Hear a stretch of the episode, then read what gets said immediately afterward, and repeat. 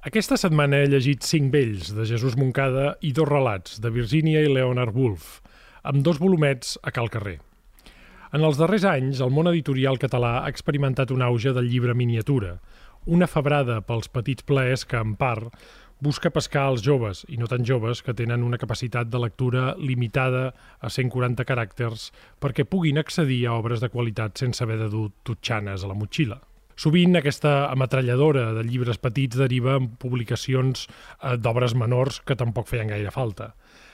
En el cas que ens ocupa, diria que Cal Carrer s'ha proposat una empresa modesta, filla del seu esperit de xarcuter. És curiosa, per cert, la connexió del món del xoriço i del llibre a Catalunya. Consistent en una sèrie de volumets que es llegeixen en tres quarts d'hora i que obren la porta a l'univers dels seus respectius autors. En el cas que comentem, cinc relats magnífics del nostre Jesús Moncada, un autor a qui el One Hit de Camí de Sirga ha monopolitzat i amagat, al meu entendre, la seva millor prosa, la de quan fa de contista.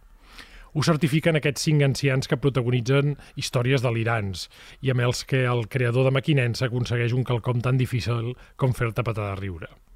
No és el cas de Virginia Woolf, l'altra protagonista de la tria que hem fet a l'illa de Mayans, que amb unes poques pàgines fa una lliçó mestra de com un escriptor pot contemplar un atac en una paret i d'aquí fer-ne un conte sensacional. El seu marit, un home brillant, signa un relat on es certifica encara més que ella era el gegant de la parella.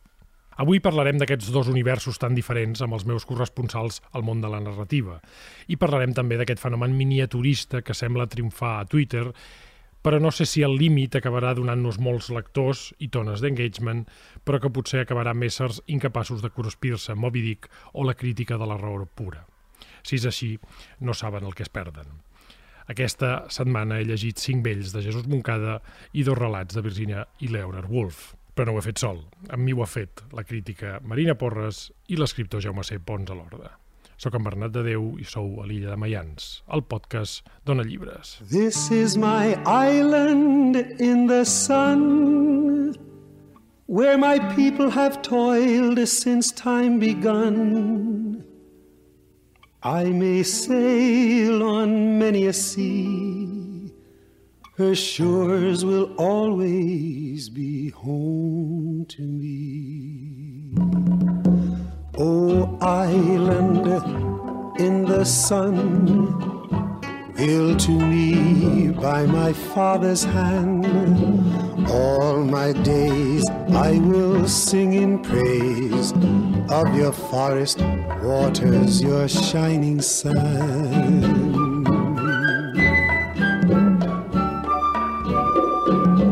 Marina Porres, Bon com dia. estàs? Bon dia. Sir James. Ué! Aviam, són petitets. La febre, la febre per les miniatures. Són petitets. Jo us he de dir que quan van treure la col·lecció dels petits plaers de Viena, que em sembla que Mhm. és la que ha desencadenat tot això, sincerament vaig pensar que ho tenia molt difícil per funcionar, Mhm. perquè vaig pensar, són uns llibres que són molt cars, en realitat, pel format petit que són, i no veia que hi hagués tant marge com perquè la gent s'enganxés a llibres petits i que es dediqués a això que deies, no? obres menors, dient, tenint doncs, grans obres, grans clàssics al costat a la llibreria, com és que et decantes per això? Però clar, estava profundament equivocada, per tant, realment hi ha... hi ha perquè Fas un propòsit de- d'esmena. perquè cada llibre que treuen és com està a la llista dels més venuts, per tant sí que realment jo crec que és com un fenomen curiós aquest de poder llegir un llibre, suposo que en dos dies o tres, que és o, com... o menys, fins i tot. Una eh? tarda Algun- mateix. alguns Menys, sí, sí. Clar, però una tarda, vull dir que la gent que es llegeix un llibre en una tarda llavors té tendència a no comprar potser aquests petits. És això el que jo no acabo d'entendre. S'ha creat una febre espectacular. Jo ho veig per xarxes, la gent embojós i quan en surt un, corren tot d'una a comprar el següent. Per tant, no se tracta tant d'un tipus de literatura, perquè és una oferta molt eclèctica, que hi ha, per Sí, sí, exemple... més, barregen de tot, sí. Barregen de tot. Ara, per exemple, hi ha una autora de l'Alemanya de l'Est que parla dels musclos i de- d'aquest sopar que esdevé com una epifania per la família, però després te treuen Evelyn Waugh i na François Sagan. Per tant, vull dir, no és un tipus d'estètica, no és un tipus de literatura, és el format. Clar, hi ha una, un fenomen molt interessant i que jo crec que comercialment hem, hem d'aplaudir, perquè al final els llibres, ara som en una llibreria, al final els llibres Ah, no, totalment, són un no, no, objecte per de això mercat, S'han de comprar, vendre, s'han de vendre llibres. I els autors heu de guanyar diners i per tant quan més llibres més percentatge però és cert que amb, els, amb el cas de Petits Plaers, i, ja, i ara entrarem a, a Cal Carrer, però jo crec que és un fenomen que l'havíem de comentar, l'Illa de Maians. És de les poques vegades, almenys des de Quaderns Crema, que jo no veia una marca de literatura que la gent anés a buscar les llibreries més enllà dels seus autors. És a dir, quan tu anaves a comprar un llibre de Quaderns Crema, de fet, fins i tot el Sergi Pàmies va fer allò de titular un dels seus llibres l'últim llibre de Sergi Pàmies, Sí. Tu anaves a comprar, és a dir, tu veies un llibre blanc dels d'en Vallcorba i deies, això estarà bé. Ara hi ha un fenomen semblant, és a dir, la gent busca... Podríem agafar un petits plers, per dir-ho així, però acostuma a ser gent menys jove, en general, jo diria que menys llegida, és a dir, no és, no és tan Sí, culta. però hi ha moltíssima eh? gent que segueix, o sigui, que a la llibreria sí que es veu que hi ha moltíssima gent que segueix en realitat cada títol que surt a Mirmanda, per exemple, uh. -huh. que com que 84 són molt reconeixibles les edicions, veus que hi ha gent que es compra realment Exacte. tota la col·lecció o amb Club Editor també passa, no? El que passa és que com que els petits plaers és més fenomen, uh -huh. o sigui, clar, suposo que Mhm. La gent, fandom, la gent que hi ha es un compra fandom de petits plaers, no ho diguem-ho. pugen a tot arreu, però exacte, sí, sí, hi ha un fandom total. Sí, i a més a més coincideix amb el format gran que ha fet Viena a partir d'aquí, en certa manera, que és el Club Victòria. Diguéssim, és també enganxant Sí. aquesta gent que col·leccionen llibres per lo exquisidament publicats que estan, no?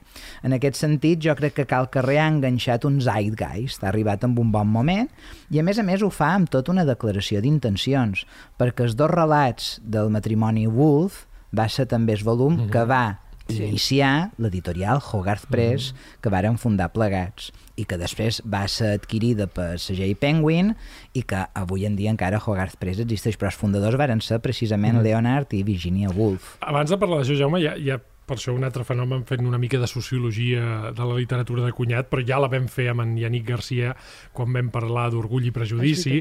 És curiós que aquest fenomen de la miniatura que té molt a veure amb les xarxes, i per exemple la, la Blanca Pujals eh, ho ha dit moltes vegades, que ella va pensar la, la col·lecció per publicar-la en un món on mirem capítols de Netflix de mm, una hora i ja ens semblen massa llargs, eh, per exemple, sèries com Emily in Paris, que abans comentàvem fora de micro, tenen capítols de 20 minuts, ara Sí, hi ha sí. Sèries que ja tenen capítols de 10 minuts i molt amb un framing rapidíssim d'imatges que a vegades et costa fins i tot de seguir, per tant, és un invent eh, molt pensat per uns temps internàutics i postpandèmics, però no gens menys té una pàtina d'estètica victoriana, que això és el que me'l fa tan, tan interessant, no? que és a dir, que un fenomen modern pel que fa a la tecnologia, per altra banda, reivindiqui una cosa curiosa com el, Sí, de- sí, sí. com el victorianisme, que està, jo diria, molt aparentment allunyat de la moral de la joventut, no? o de la gent que té, diguem, un menys de 30 anys, no? Sí, però a més ho han sapigut adaptar com si fos una cosa que realment els hi toqués tan de prop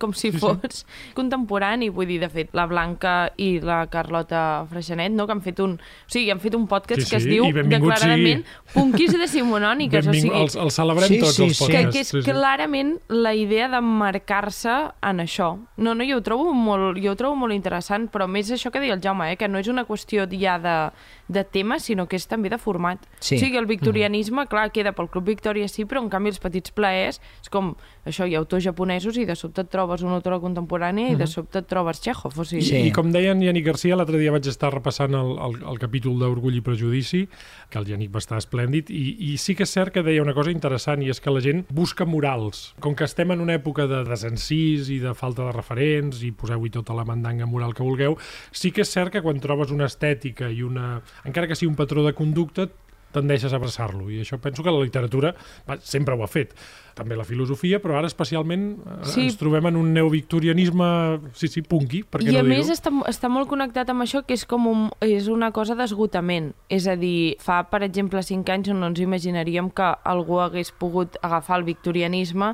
i fer-ho passar per una cosa com que eh, fos guai, diguéssim. Ni de conya. I ara, No, en canvi, no, no. clar, el que passa és que hi ha En temps molts... del Me Too, clar, el victorianisme Clar. no, i el Me Too no, no però hi ha, acaben hi ha d'enganxar. molts models esgotats, o sigui, però Emily in Paris també és una sèrie de model esgotat, Oh, o, o, ens encanta. o el retorn de, de Sex and the City és una sèrie de model esgotat, de dir, bueno, hi havia unes idees sobre el sexe, hi havia unes idees sobre les relacions, que clar, han anat com molt ràpid, o sigui que no, han evolucionat molt ràpid, han escalat, ara es veu un model d'esgotament amb això i ho vaig pensar també amb la- amb l'entrevista de l'Anna Ponsoda uh, Mhm. sobre l'erotisme, que De això Joan Bordeus a Núvol, sí, magnífica que això es entrevista. veu allà, o sigui, és com de dir, vale, estem tornant a com tota una sèrie de discursos més o menys conservadors, però que no, que volen vendes com a no conservadors i per tant és que hi ha un embolic molt gran amb això de, Mhm. Sí, de sí. cap on Bueno, anar. també passa en, en, en moments com, eh, o en arts com la música, no? En el fenomen del... Quan, quan el Me Too era més elevat, Mhm. va tornar una forma de trap, de música rap i fins i tot de reggaeton amb unes lletres directament sexistes o fins i tot agressives amb la dona, no? Mhm. Però que la dona mateixa cantava i reivindicava en una espècie de gir butlerià, no? De dir, pues ara nosaltres cantarem, diguéssim, les lletres que consideràvem més masclistes, però des d'un empoderament Ahà. més. Són xocs de llenguatge divertits, dels quals suposo que se'n faran novel·les interessants. No? En efecte. Anem a parlar del chorizo. Adelante. sí, perquè, a veure, Jaume, explica'ns-ho, tot això, no és, Sí. que, no és que jo vegi xorissos on, on no n'hi ha, sinó que tot això n'és d'una xarcuteria. Eh? Sí, precisament de la xarcuteria Cal Carrer, que va funcionar des del 1956 fins al 2016, una cancel·laderia artesana i familiar, que tenien la característica que les botifarres i els fuets, en lloc d'estar lligat amb el típic fil blanc, mos ho expliquen ells en pretextos que acompanyen els volums, venien amb un color blau i grana. Per tant, vull dir, és tot aquest aspecte artesanal que és molt divertit perquè diuen que fan uns llibrets uh -huh. molt bons i han passat de fer llibrets deliciosos uh -huh. que se mengen per carn a fer uns llibres que volen pretesament i ho aconsegueixen de, igual de deliciosos per l'ànima i per l'esperit. La fundadora del segell, evidentment, és Antònia Carrer Pons, que és una escriptora que ha publicat volums molt destacables a editorials com Meteora i Club Editor. Jo recordo amb molt de carinyo com s'esbrava la mala llet. Jo també. perquè, I a més a més és curiós perquè també com s'esbrava la mala llet era un volum reduït, eren breus contes, Sí. era, era un volum portàtil també, Club Editor. I amb aquesta cosa, vull dir, també mos agradarà informar que per Sant Jordi en Antònia Carrer Pons treu un nou volum, en aquest cas a la Breu Edicions. Per tant, el trobareu de ben segur aviat a les llibreries.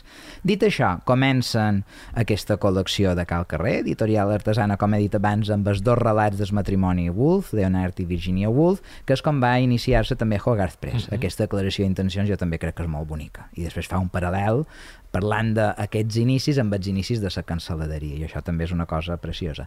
Després venen amb els cinc vells d'en Jesús Moncada, que com deies tu per xarxes Bernat és una gran manera de tornar en Moncada, és una molt bona porta d'entrada, que camí de Sirga no mos tapi amb la seva riuada la resta de la prosa magnífica de Moncada, i Eh, jo també he de dir que m'ha agradat molt llegir la traducció que ha fet en Miquel Cabal, gran ambaixador rus en el nostre país d'en Fyodor Dostoyevsky, dels seus pobres. Uh -huh. El títol ja està molt bé perquè en Dostoyevsky jugava amb el dos sentit de pobres materialment i pobres espiritualment i, i clar, no se podia traduir ni pobra gent ni gent pobra perquè te fa pensar un significat o un altre i ell agafa aquesta expressió pobres, uh -huh. perquè són pobres com rates però també pobres desgraciats. Jo recordo el nostre estimadíssim tenyorem Francesc Garriga que em deia moltes vegades, em va insistir moltíssim de que Camí de Circ, evidentment, era un llibre fantàstic, però em va, sempre em deia, llegeix-te els relats de A mi Montcada, també m'ho de...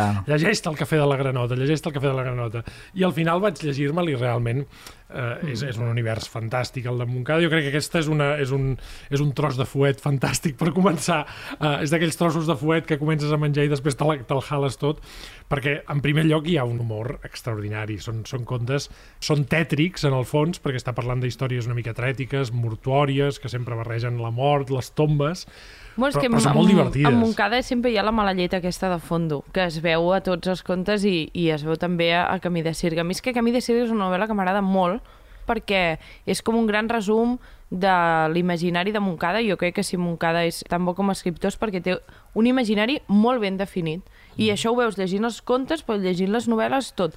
I per té una llengua molt bona. O sigui, molt bona, vull dir que és una expressió molt cutre dit així, però que és veritat que quan el llegeixes sobta perquè ja veus que té una voluntat d'estil d'escriptor que passa per una llengua molt quotidiana, com molt arran de les coses, Totalment. i a mi sempre m'ha agradat moltíssim. I en aquests relats, que és una molt bona selecció, i veus com tota la mala llet, aquesta cosa que, que es diu de tòpic, no?, de oh, la quotidianitat en Montcada, uh -huh. però clar que la quotidianitat en Montcada li serveix per parlar precisament de coses sempre molt grosses, no? O sigui, la, la mort sempre està batagant aquí darrere d'aquests contes. I a mi m'han agradat molt. I peeked in to say good night.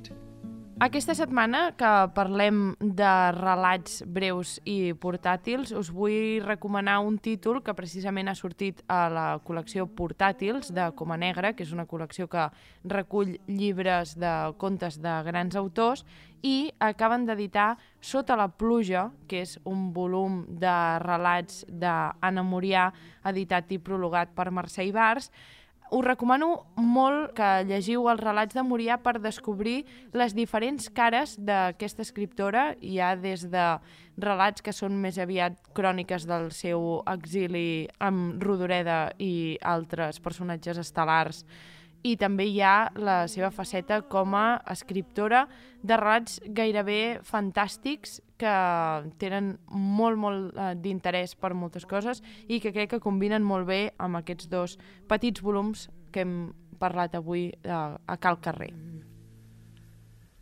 Through the night, my heart was aching.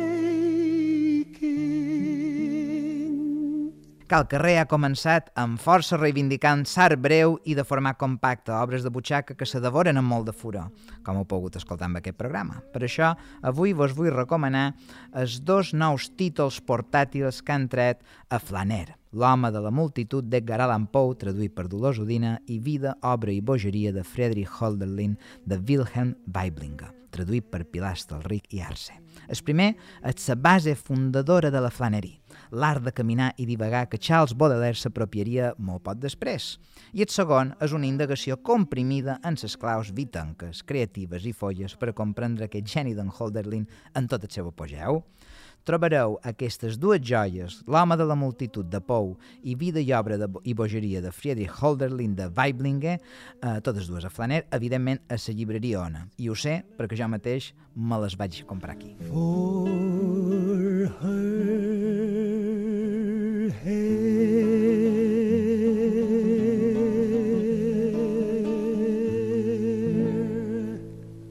que passa és que, lluny de fer-ne un realisme màgic, agafa potser els racons més eh, sòrdids de la realitat, mm -hmm. però també els converteix en una cosa molt divertida. El cas és el primer relat, el, el Sí, relat sí. Del, del, senyor, del, del, tra, del senyor dels tramvies que es jubila. Ai. Eh, no farem un spoiler, però decideix eh, intentar no jubilar-se, per dir-ho així, diguem-ho per no matar... Insistir una mica, decideix insistir una mica. Insistir una mica, clar. És un conte que es llegeix com un sorbet, però realment és un univers d'imaginació fantàstic, perquè realment estàs veient el personatge que diu, vinga, a cagar, jo agafo el tramvia i, i atureu-me. Sí, jo sempre m'he demanat realment si forma part de l'imaginari d'en Montcada o és que realment no fa altra cosa que retratar les persones que va conèixer ell en el seu univers, no? Perquè Ell s'enfadava molt quan li deien que feia realisme màgic, Sí. perquè deia, no, no, No, no, màgic no, és una cosa que jo he vist. costumista. Sí, exacte, exacte. Per això ho dic, en el sentit que això a mi me recorda molt, per exemple, també aquest tipus de literatura que a vegades s'escriu des de Mallorca,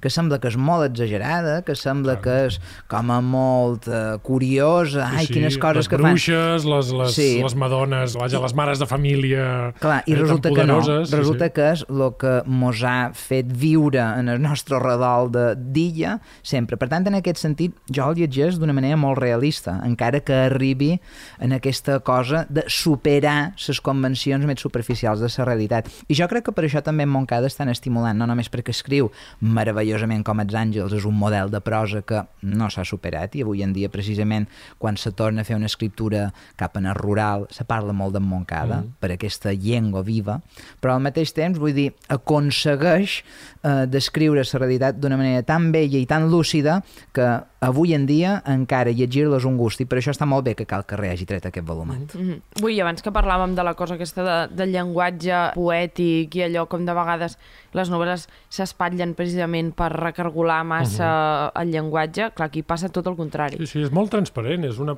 jo, jo pensava, fa temps vam parlar de Flaubert, salvant les mil distàncies, però és molt clar la seva prosa, tot i així té una adjectivació fantàstica, de tant en tant et, et Sí, sí, cola no, una sí, és paraula que és molt bo, meravellosa. però hi ha una voluntat de, Sí, sí. de realisme, o sigui, hi ha una Totalment. voluntat de dir, no, vull la, les paraules precises per explicar això que vull explicar i això que sembla una tonteria, en realitat, clar, quan ho veus llegit, doncs... No se'n fot dels seus personatges, perquè són personatges que potser un altre autor els hauria estrafet, no? la, la, la senyora que va al secretari judicial a explicar, a explicar els seus desvaris amb les tombes i amb la mort, que són situacions de pel·lícula italiana, diguéssim, que Fellini n'hagués fet una gran festa, però jo crec que sempre la gràcia d'aquests cinc ancians, d'aquests vells, és que ell els respecta molt, és a dir, Sí. les històries que explica les agombola molt bé. No? Hi ha molt d'amor en la prosa d'en Moncada. És aquest amor, amor per un món desaparegut. I el podem fer reviure a través d'aquesta lectura. Jo, per exemple, tinc molt bon record de la lectura de, del volum de contes concret, Calaveres atònites. Sí, és que... I és que, clar, és que està tot tan ben lligat i és que el títol ja ho diu tot, Calaveres atònites. És aquesta cosa de sorpresa, d'estaborniment que aconsegueix sempre en Moncada, no? Pels personatges, incrèduls davant d'una realitat que els supera en moltes ocasions, i de les persones que llegeixen, com veiem que en el final allò mos acaba sorprenent a cada passa. Sí, i del narrador posant-se just a la distància, això, sense enfodre-se'n dels personatges, però sense ser paternalista. Això és molt a dir, difícil. Que, per això, sí, sí, està, o sigui, és on es veu que és bon escriptor. Sí. Mhm. I hi ha una reflexió també molt interessant sobre la mort, perquè al final tots els contes plana la, el cementiri, la tomba, la processó, no? Hi ha, hi ha, hi ha, Sí. En el fons és una diversió, però, però que té un punt també Fosc. eh, fosca i fantàstica. I això mos lliga molt bé precisament amb el relat d'en Leonard Woolf, uh Mhm. -huh. que és el segon conte que hi ha en els dos relats, quan mos parla d'aquesta visita en el cementiri, se troba a l'enterrador i li Sí. parla dels seus dos fills, i ai, Déu meu, quin desastre, no sé què, jo no sóc jueu, però resulta que per segons que sí que ho és molt jueu, Mhm. no? I en això també mos parla de, de bàsicament, vivim per morir, això és així. Mm -hmm. I el viatge que feim entre From the Cradle to the Grave, que diu la dita anglesa, del bressol a la tomba, és aquesta existència sòrdida i banal, però també pot arribar a ser molt èpica i grandiloquent. I és el que, a partir de l'excusa, jo crec que s'emparenta amb tots aquests escriptors, a partir de la tonteria, a partir de la casualitat, de la quotidianitat, arribar a entendre profunditats de l'ànima humana, i això és el que fan precisament el matrimoni Wolf en aquests dos Clar, contes. sal, saltant el, el llibre de, de la Wolf, jo diria que el, el primer relat que hi veiem és, per dir-ho així, una escola d'escriptura, perquè qualsevol escriptor ha intentat, primer exercici que fem tots a l'hora d'escriure és veure què veiem a través de la finestra. No és una redacció clàssica que ens fan fer de petits o que ens feien fer de petits, ara no sé què deuen fer. Però és exactament el que fa ella amb diguéssim, una estranya imatge que, que veu a la paret i a partir d'aquí, clar, aquesta com s'enf- sempre. aquesta s'enfila però directament a l'estratosfera, no? Sí. Bueno, però a més és aquesta estratègia de, de Virginia Woolf que m'ha fet gràcia veure aquí, perquè en realitat és una cosa que fa sempre. És a dir, que sempre agafa una cosa concreta i té aquesta mena de passió pels detalls i llavors la intensifica i la puja cap, cap amunt. Hi ha un moment que és com se'n fot de, de la seva mirada gairebé quan diu que fàcilment que es posen a voletejar l'entorn d'un nou objecte, els pensaments. I dius, bueno, és que, és que sí. realment és com no fas literalment res més a la teva vida que això però és una molt bona porta d'entrada jo crec que a Virginia Woolf massa excessivament poètic, jo crec que en aquestes coses breus sempre, sempre es passa de voltes però és que és, aquesta senyora és així i a més és un relat que també juga molt bé amb aquesta cosa dels detalls com farà Catherine Mansfield també, que aquí es veu molt el joc eh, Virginia Woolf Catherine Mansfield està molt ben, molt ben plantejat en aquest relat i com va pujant, no? A mi el que em va agradar és el gest, no? O sigui, de, de que el carrer de presentar aquests dos relats, que és realment el llibre inaugural d'aquesta editorial, d'aquest Patreon fet al menjador de, de casa de Leonard i Virginia Woolf, Hogarth Press. i, Mhm. o sigui, m'agrada que aquest conte sigui així com experimental amb aquest final, però perquè, perquè clar, és que és el primer llibre d'ells Sí, dos, sí. llavors que tingui també aquesta cosa experimental, m'agrada, està bé. Dues coses. Venint del tema que des tu, que és un eh, relat que dialoga molt amb Catherine Mansfield, Sí. m'agrada recalcar el fet que la traductora que mos ha portat tant És Mansfield com na Woolfield és la mateixa, na Marta per a Cucurell, que fa una feina exquisida i, a més a més, per Sant Jordi, mos recuperarà amb una nova traducció revisadíssima de sa que, respecte a la que va treure la Mòdul 1989 de Entre els actes de, De Virginia, Virginia Woolf, Woolf. que fa molts anys que no se trobava a On llibreries. surt a la A temerària? Cal Carrer, ah, a Cal precisament. Carrer. Aquesta és la gràcia, vull dir que ara fan aquesta recuperació i per Sant Jordi ho tindrem a Cal Carrer. I l'altra cosa que volia dir era que, a part que és una molt bona traducció i que està molt bé que aquest diàleg amb Mansfield el faci la mateixa traductora, és que dintre d'aquest relat, encara que sigui molt breu, hi ha moltes idees. I una de les idees importants és la poètica de Nabulf, per això tens tota la roba marina quan dius que és una molt bona porta d'entrada, perquè hi ha un moment que diu que en el futur la narrativa, la literatura haurà d'anar per aquí. Diu, els novel·listes del futur s'adonaran cada vegada més de la importància d'aquests reflexos, ja que naturalment no n'hi ha un de sol, sinó un nombre quasi infinit. Vet aquí les profunditats que exploraran. Mm -hmm. Per tant, ella ja veu quina serà la literatura del futur. Sí, sí, són dos, dos portes d'entrada magnífiques aquests dos autors i jo haig d'afegir una cosa eh, des de la immodèstia que ens caracteritza és que a part de tot això que has dit, eh, Jaume, i de, vaja, de les moltes mostres de traduccions que tenim de Virginia Woolf, em sembla que hi ha una nova reedició de Mrs. Dalloway, Ah, Ah, gràcies, amb la gràcies a nosaltres! amb la tra- gràcies a nosaltres! amb la traducció canònica de la Dolors Udina, que potser té a veure alguna cosa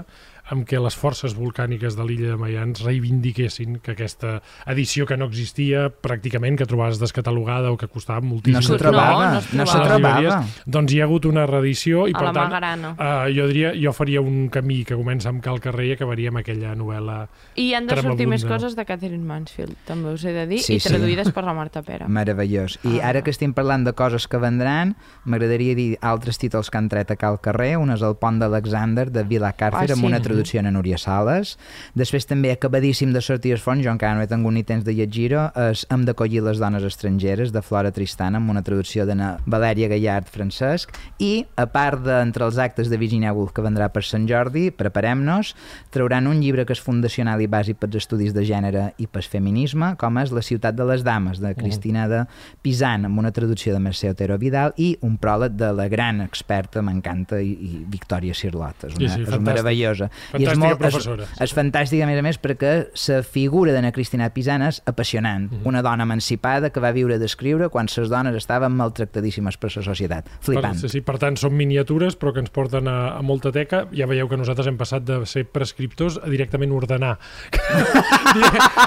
que, Però no, no, no, és no escolta, és una la, la, feina la, la, la Marina no eh? només demana uh, edicions i traduccions, sinó que a més a més exigeix que la traductora sigui, sigui tal persona. No, no, escolta, estem molt a favor de passar de la prescripció directament una mica tot. directament a la, a la imposició. Així m'agrada, una mica d'aventura i una mica d'ordre, com sempre.